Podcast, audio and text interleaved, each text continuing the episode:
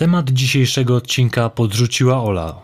Bardzo dziękuję i Was również zapraszam do polecania kolejnych tematów. Stanisław W. przyszedł na świat 15 października 1959 roku w Bielsku Białej. To człowiek spokojny, stroniący od alkoholu. Nieśmiały, trzymający się z dala od towarzystwa. Od urodzenia mieszkał w Bielsku Białej, w dzielnicy Lipnik, przy ulicy Polnej.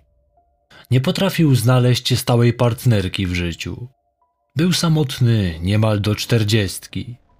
Stanisław nie był typem biznesmena. Tak naprawdę to nie pracował, a utrzymywał się z renty ojca. Majątek, który posiadał, zawdzięczał swoim rodzicom. Był on właścicielem kilku działek, które warte były sporo pieniędzy. Mimo wszystko oni żyli skromnie. Stanisław czasem dorabiał handlując alkoholem.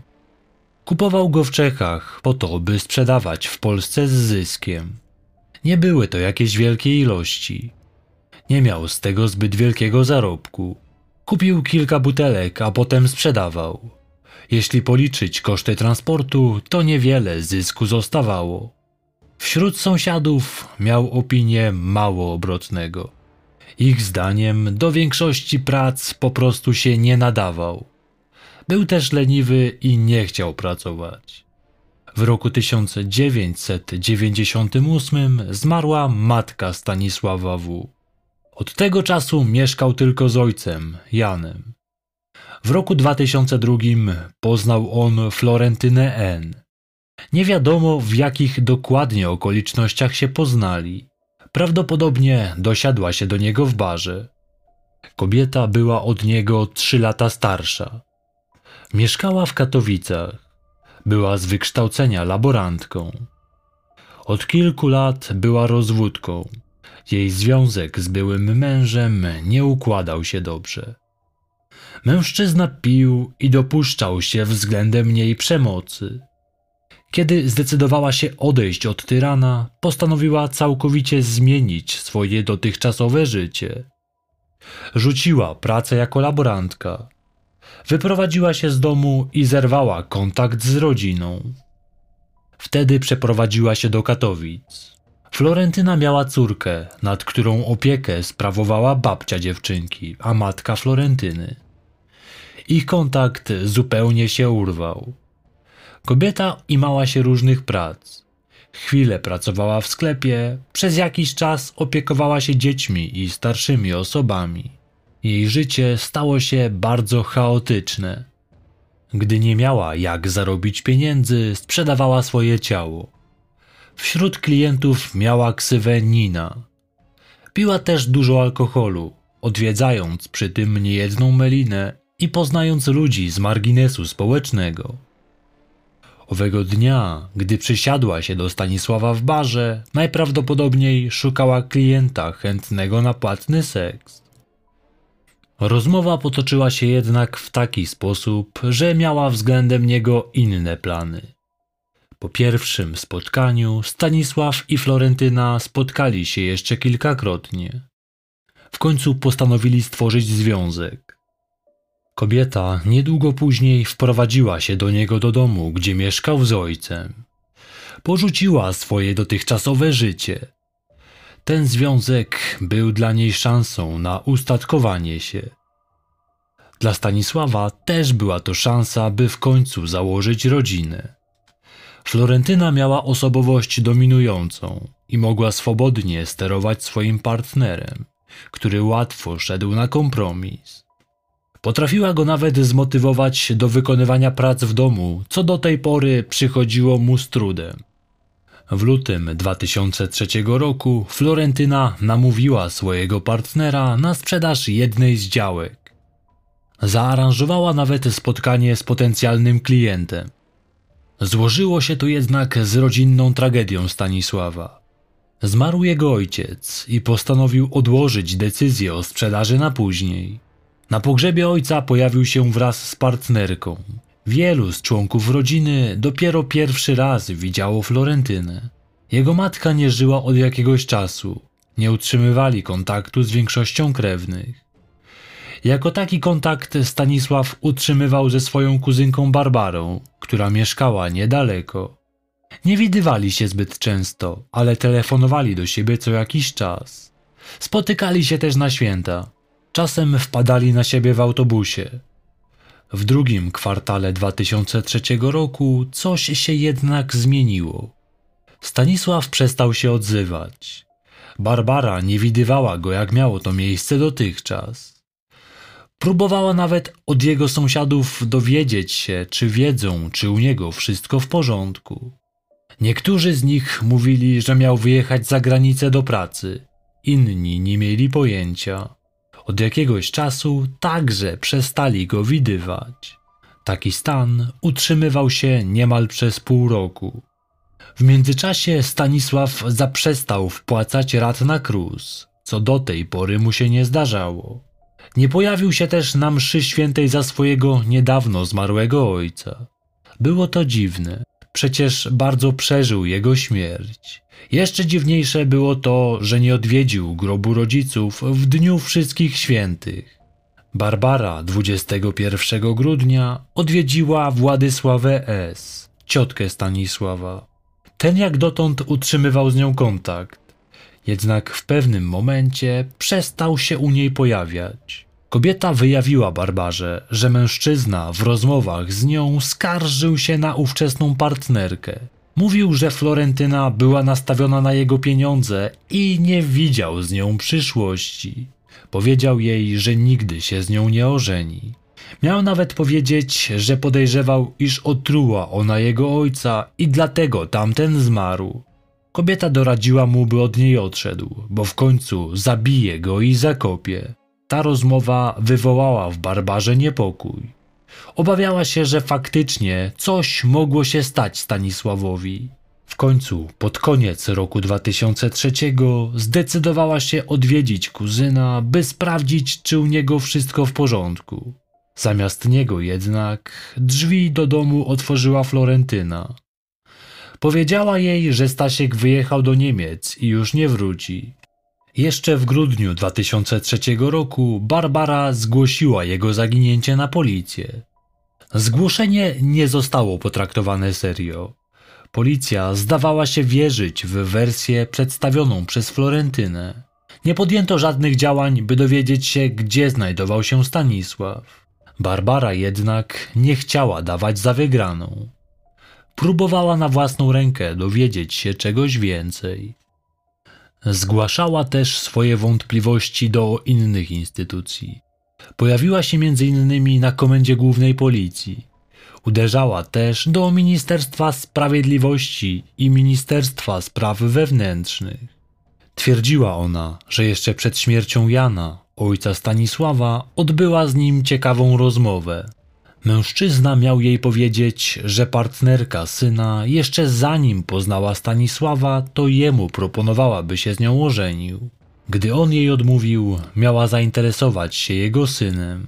Śledziła Florentynę i obserwowała dom swojego kuzyna, w którym kobieta zamieszkała.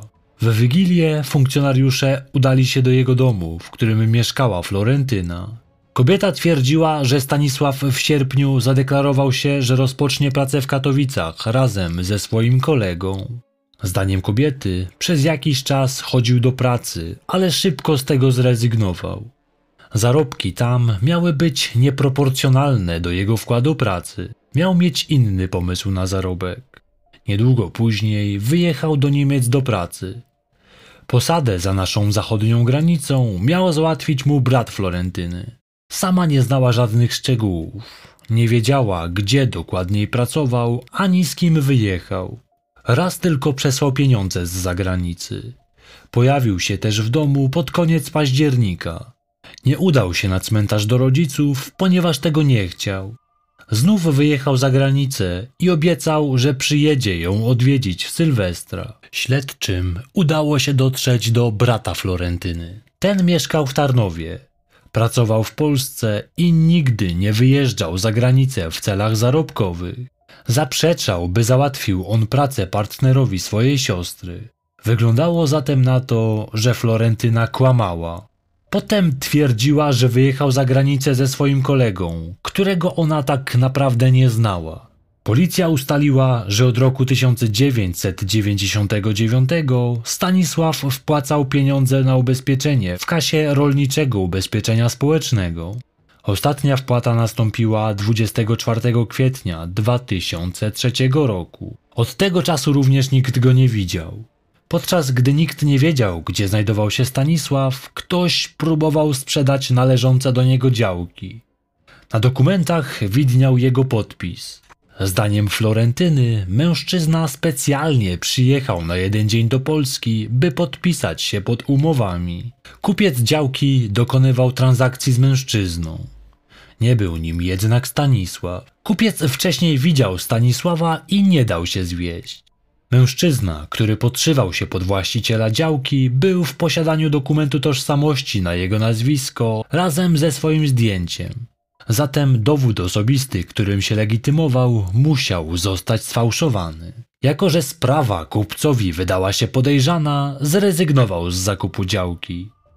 Ekspertyza grafologiczna wykazała, że podpisy zostały sfałszowane. Florentyna upierała się, że nie miała z tym nic wspólnego. Dzięki nieustępliwości pani Barbary w końcu uznano Stanisława W. za zaginionego. Podano jego rysopis. Wzrost około 170 cm, waga 70 kg. Sylwetka szczupła, włosy krótkie, faliste koloru jasny blond. Łysina czołowa, oczy niebieskie, twarz pociągła z wąsem.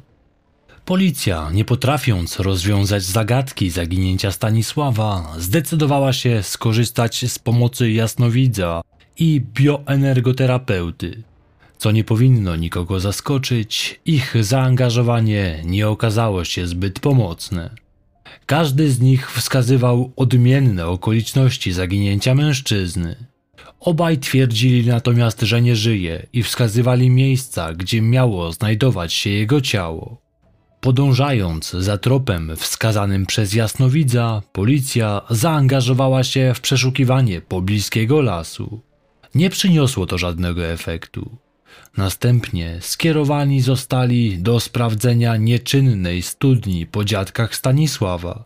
Oczywiście tam również niczego nie znaleziono. Za próbę sprzedaży działki Florentyna otrzymała wyrok pół roku więzienia w zawieszeniu. Niedługo później związała się z innym mężczyzną.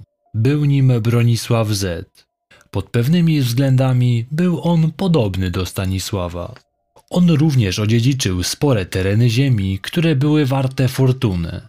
On, w przeciwieństwie do Stanisława, pracował. Był budowlańcem. Florentyna wierzyła, że z nim uda się stworzyć jej trwały związek. Układało im się bardzo dobrze.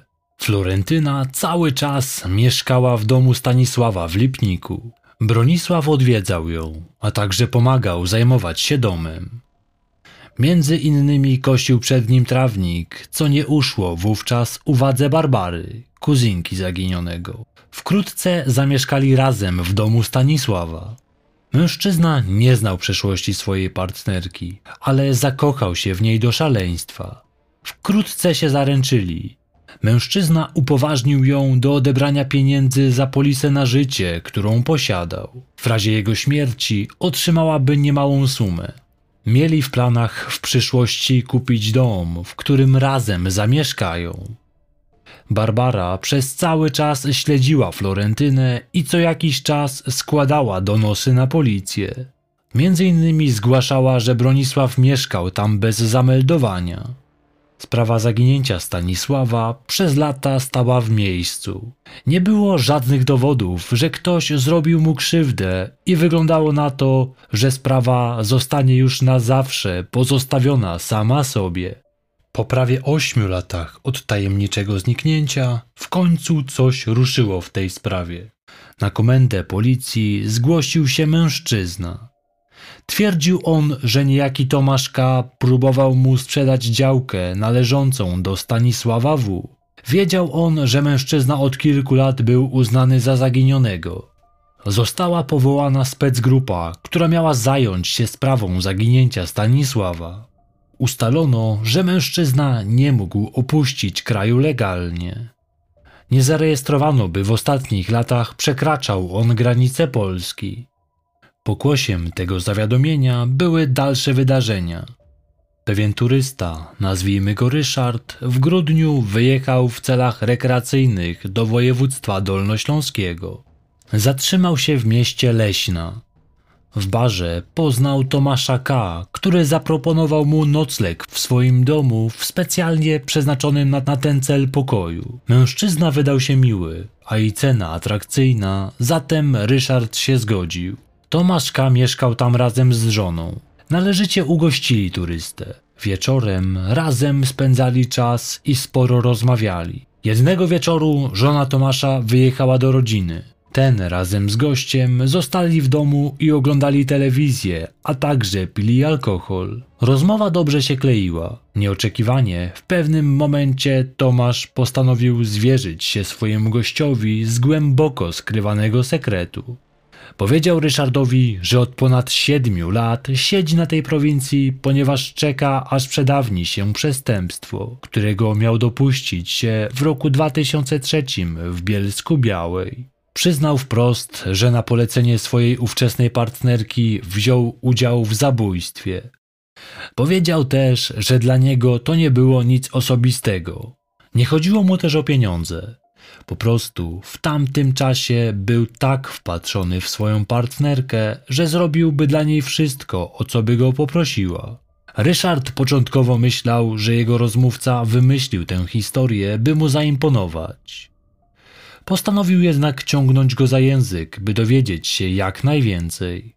Tomasz przyznał, że ciało rozpuścili w kwasie, a szczątki wyrzucili. Widząc, że zaimponował swojemu rozmówcy, pokazał jeszcze bliznę na głowie, twierdząc, że jest ona efektem porachunków mafijnych, w których brał udział. Dwa dni później Ryszard musiał wracać do domu. Po kilku dniach w leśnej pojawili się policjanci. Okazało się, że Ryszard wcale nie był przypadkowym turystą, a policjantem pracującym pod przykrywką. Celowo spotkał się z Tomaszem i podstępem udało mu się wyciągnąć od niego informacje. Kim był Tomaszka? O tym już za moment. Niemniej szrama na jego głowie nie była efektem porachunków mafijnych, a wypadku na rowerze. Wcześniejsze zgłoszenie dotyczące próby sprzedaży działki należącej do Stanisława W. rzuciły nowe światło na kwestię jego zaginięcia. Przeanalizowano wcześniejsze przesłuchania i jeszcze raz przesłuchano niektórych świadków. Te przesłuchania pozwoliły ustalić, że po zniknięciu Stanisława Florentyna była widziana ze znacznie młodszym od siebie Tomaszem K. W roku 2003 miał on 22 lata. Okazało się, że znali się oni jeszcze zanim poznała Stanisława. W roku 1998 Florentyna prowadziła niezbyt godny pochwały tryb życia. Mieszkała wówczas w Katowicach i prostytuowała się, a dnie spędzała w podejrzanych mylinach. Wówczas w jednym z takich miejsc poznała osiemnastoletniego Tomasza. Niedawno wyszedł on z poprawczaka, nie miał gdzie się podziać i włóczył się po ulicach. Tam zwrócił na niego uwagę pewien mężczyzna. Miał on opinię pijaka. Pozwolił mu u siebie zamieszkać. Jego dom to była Melina, ale przynajmniej chłopak miał dach nad głową. To właśnie tam, podczas jednej z libacji, poznał Florentynę. Wpadli sobie w oko, choć kobieta była od niego o ćwierć wieku starsza. Imponowała mu. Stworzyli związek, a kobieta przyjęła go pod swój własny dach. Tomasz był w niej zakochany do szaleństwa. Pewnego dnia Florentyna zakomunikowała mu, że wyjeżdża i od niego odeszła. Przez cały czas, gdy była w związku ze Stanisławem, miała utrzymywać kontakt ze swoim młodszym kochankiem. Miało za plecami partnera dochodzić między nimi do spotkań intymnych. Kobieta pożyczała mu też pieniądze. W końcu Stanisław miał dowiedzieć się o tym, że był zdradzany. Wówczas miał zażądać od Florentyny, by ta od niego odeszła i nie pokazywała mu się więcej na oczy. Tamte wydarzenia miały jednak pozostać tajemnicą. Tak się złożyło, że miały one miejsce w tym czasie, kiedy Stanisław wyjechał. Niedługo później Tomasz trafił na półtora roku do więzienia za kradzież samochodu. Po wyjściu na wolność nie utrzymywał już kontaktów z Florentyną. Poznał inną kobietę, z którą wziął ślub. Wkrótce przeprowadzili się do innego województwa. Prawdopodobnie posiadał wiedzę na temat losu, jaki spotkał zaginionego mężczyznę. Został on zatrzymany przez brygady antyterrorystów w roku 2011. W trakcie przesłuchań Tomasz K. twierdził, że to co mówił Ryszardowi to były tylko czcze przechwałki. Długo się jednak nie opierał. Po kilku nocach spędzonych w areszcie przyznał się do dokonania zbrodni razem z Florentyną. Złożył obszerne wyjaśnienia, które obciążały ich oboje. Wkrótce zatrzymano też Florentynę. Nadal mieszkała w Bielsku Białej. Kobieta twierdziła, że jest niewinna, a Tomasz z niewiadomego jej powodu próbował się na niej mścić. Wyjaśnienia złożone przez Tomasza rzuciły nieco światła na całą sprawę. Podczas gdy Florentyna mieszkała ze Stanisławem, miała jednocześnie romans z Tomaszem. Mimo wszystko zabiegała u swojego partnera o to, by wzięli ślub. Tamten jednak zauważył, że ich związek chylił się ku końcowi. Zdawał sobie sprawę, że kobiecie głównie zależało na ziemi, w której posiadaniu był. Gdy dowiedział się, że tamta go zdradza, postanowił zakończyć ten związek. Inne plany miała jednak Florentyna. Zdaniem Tomasza, kobieta uknęła plan, by pozbyć się Stanisława, a potem sprzedać należące do niego działki i zdobyć w ten sposób fortunę. Postanowiła ten plan zrealizować. Była do niego przygotowana. Zaopatrzyła się w truciznę, którą dorzuciła partnerowi do jedzenia. Liczyła, że w ten sposób pozbawi go życia. Trucizna jednak nie zadziałała tak mocno, jakby oczekiwało. Mężczyzna źle się poczuł, ale przeżył. Nie chcąc pogodzić się z niepowodzeniem swojego planu, postanowiła go dokończyć. Wtajemniczony w sprawę był Tomasz, który czekał już w ukryciu. Korzystając z niedyspozycji Stanisława, postanowiła go dobić. Jej kochanek miał go przytrzymać, a ona sama miała uderzać go w głowę metalowym narzędziem, jednocześnie rozbijając mu czaszkę. Według słów Tomasza, potem przenieśli ciało do piwnicy. Zdaniem mężczyzny on poszedł spać. Gdy się obudził, ciała miało już nie być. Florentyna miała się go pozbyć. Powiedziała mu potem, że rozczłonkowała ciało, a następnie kończyny wrzuciła do wanny. Następnie wlała do niej żrącą mieszankę lepiku, cementu i kwasu krzemowego. Tym samym miała rozpuścić ciało. To, co z niego pozostało, mieli zapakować w worek i wywieźć. Tomasz powiedział, że szczątki wyrzucili pod budową autostrady. Mężczyzna przyznał też, że stał za sfałszowaniem dowodu osobistego dla mężczyzny, który podszywał się pod Stanisława, gdy chcieli sprzedać jego działkę. Florentyna po zabójstwie miała powiedzieć, że od teraz mają wspólną tajemnicę. Jeżeli ją zdradzi, to pójdzie na wiele lat za kraty. Kobieta ofiarowała mu kilka przedmiotów po zamordowanym mężczyźnie. Miał też otrzymać pieniądze za swój udział w zbrodni. Proces w tej sprawie był poszlakowy. Nie znaleziono głównego dowodu, czyli ciała. Tomasz pozostawał konsekwentny. Przedstawiał taką samą wersję wydarzeń, którą opowiedział na początku śledztwa. Obciążał nimi siebie i Florentynę. Ta również konsekwentnie wypierała się swojego udziału w tej zbrodni. Mimo tego prokurator postawił zarzuty byłej partnerce Stanisława oraz jej kochankowi. Zażądał dla Tomasza wyroku 15 lat. Dla Florentyny miało być to 25 lat. Bronisław, który był partnerem Florentyny zanim trafiła do więzienia, sprzedał działki swojego ojca, by mieć pieniądze na obronę swojej partnerki. Miał poświęcić na ten cel ponad 200 tysięcy złotych. Jego poświęcenie jednak na niewiele się zdało. 10 lutego 2014 roku zapadł wyrok. Florentyna usłyszała wyrok 25 lat pozbawienia wolności. Tomasz K. został skazany na 10 lat pozbawienia wolności. Mężczyzna w dorosłym życiu nie był notowany i wyraził skruchę. Sąd uznał to za okoliczności łagodzące. W trakcie dokonywania zbrodni miał być on pod wpływem kobiety, którą kochał. Sama Florentyna była wcześniej karana i nie wyraziła skruchy. Zdaniem sądu jest ona zdemoralizowaną osobą, której resocjalizacja jest wątpliwa. Była wcześniej karana, między innymi za próbę sprzedaży działek należących do Stanisława. Sąd nie znalazł żadnych okoliczności łagodzących. Po wydaniu wyroku Tomaszka przeprosił rodzinę zamordowanego, a także swoją, która również ucierpiała przez sprawę sprzed dekady.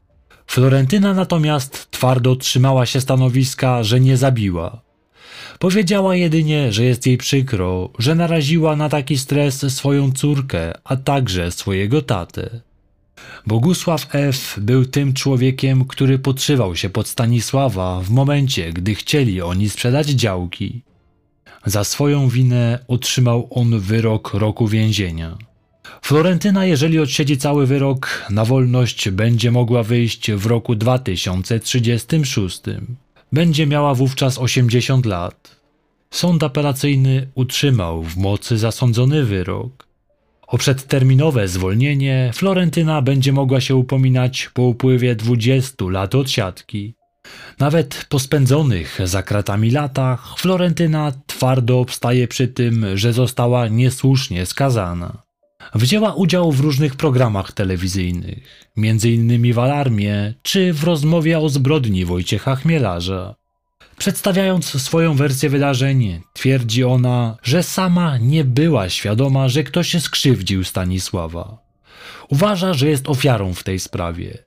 Jeżeli faktycznie do jakiejś zbrodni doszło, to musi być za nią odpowiedzialny Tomasz, który od początku ją oczerniał. Córka Florentyny nie utrzymuje z nią kontaktu. Bronisław, który związał się z Florentyną, mimo że została skazana za zabójstwo, nigdy nie przestał jej kochać. Twierdzi, że jest ona niewinna, a lata spędzone z nią były najlepszym okresem w całym jego życiu. Wbrew temu, co się o niej mówi, nigdy nie chciała od niego żadnych pieniędzy. Wszystkim się dzielili, a jemu nigdy nie zniknęła nawet złotówka. To już wszystkie informacje dotyczące historii zaginięcia, a prawdopodobnie też zabójstwa Stanisława W. Czy waszym zdaniem został on zamordowany przez swoją partnerkę i jej kochanka? Dość ciekawie potoczyły się losy Bronisława Z. Może i was ten wątek zainteresuje. Bronisław był człowiekiem łatwowiernym. Po skazaniu Florentyny zaczął chodzić do agencji towarzyskich. Tam szukał pocieszenia.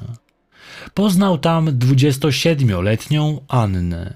Uwierzył w to, że ponad 20 lat młodsza od niego kobieta zakochała się w nim. On kupował jej drogie prezenty, zapraszał ją do drogich restauracji. Miała ona problemy w domu. Pożyczał jej pieniądze na wynajęcie mieszkania. Miała mu oddać, gdy stanie na nogi. Nagle okazało się, że zachorowała na raka.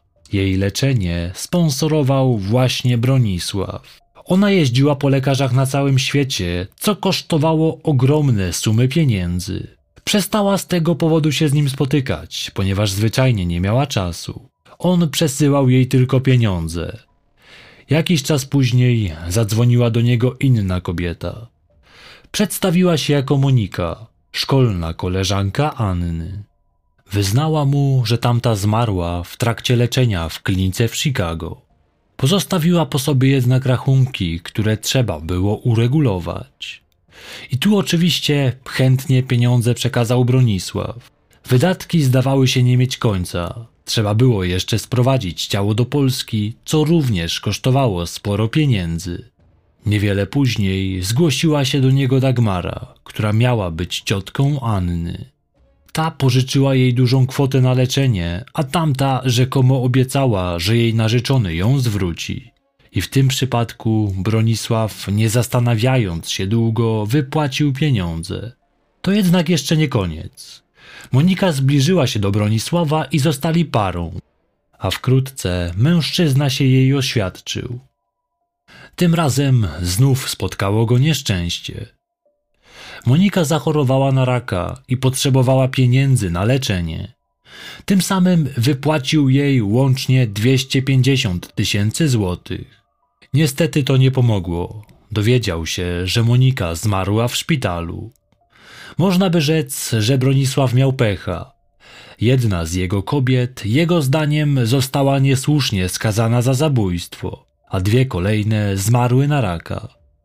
Okazało się jednak, że zarówno Anna, jak i Monika żyją. Bronisław miał tego dowiedzieć się w rozmowie ze znajomym. Próbował po tej rozmowie odszukać jej grób, jednak nigdzie nie mógł go odnaleźć. Skontaktował się z wujkiem Anny i od niego dowiedział się, że ta żyje. Po wyciągnięciu od niego pieniędzy, obie kobiety przeniosły się w inne części kraju i tam rozpoczęły nowe życie. Anna założyła własną kwiaciarnię. Wzięła też ślub, a za pieniądze wyłudzone od Bronisława zrobiła sobie huczne wesele. W podróż poślubną wybrała się do Egiptu. Rozżalony Bronisław w końcu złożył do prokuratury doniesienie. Łącznie przekazał kobietom ponad 400 tysięcy złotych. Sprzedał wszystkie działki po zaniżonych cenach. W końcu nie miał już gdzie mieszkać. Doznał wypadku i jego sytuacja była ciężka. Nie mógł pracować. Zostało przeprowadzone śledztwo. Okazało się, że mężczyzna padł ofiarą dwóch kobiet. Tak, dobrze słyszycie, dwóch, a nie trzech. Jak to możliwe? Okazało się, że Dagmara, która przyszła do niego po pieniądze, rzekomo pożyczone Annie, to była Anna przebrana w taki sposób, że Bronisław jej nie rozpoznał. Mimo iż mężczyzna został oszukany przez kobiety, nie żądał dla nich wysokich kar. Wierzył w ich skruchę. Przyznał, że gdy nie miał gdzie mieszkać, Monika Z mu pomogła. Wynajęła mu pokój i dała 300 złotych. Po miesiącu został jednak stamtąd wyrzucony, gdyż nie miał kto dalej płacić. Bronisław po tych wydarzeniach żyje na skraju ubóstwa. Nie może pracować i otrzymuje niewielką rentę. Anna została skazana na 3,5 roku więzienia. Monika miała odsiedzieć dwa lata. Obie kobiety już wcześniej dopuszczały się oszustw. Anna w momencie zapadnięcia wyroku była w zagrożonej ciąży. Z tego względu nie trafiła za kraty.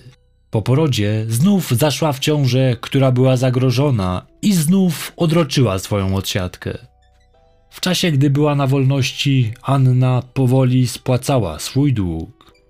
Przez kilka lat spłaciła 40 tysięcy złotych. W końcu w roku 2021 sąd cofnął decyzję o zawieszeniu kary dla Anny Eś. Ta jednak nie przestawała kombinować. Pojawiła się u Bronisława z ugodą. Zgodnie z nią miała zapłacić mu 110 tysięcy złotych. Dzięki niej miała nie trafić za kraty, a potem systematycznie spłacać swój dług. Wzięła mężczyznę na litość. Powiedziała o dwójce dzieci, które pozostaną bez matki. Bronisław uwierzył jej tak, jak robił to dotychczas. Podpisał podane przez nią dokumenty. I tym razem dał się oszukać. Żadnych pieniędzy nie otrzymał, a kobieta nadal jest na wolności. Dokumenty, które podpisał, poświadczały, że zadłużenie zostało spłacone. Czy doczekamy się końca tej sprawy? Sam jestem ciekaw. Jeszcze raz chciałbym podziękować Oli za polecenie tej sprawy.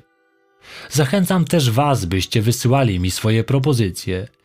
Co jakiś czas staram się zająć jedną z takich spraw, o ile nie są to zbyt popularne historie. Dziękuję za dzisiaj i do usłyszenia już niebawem.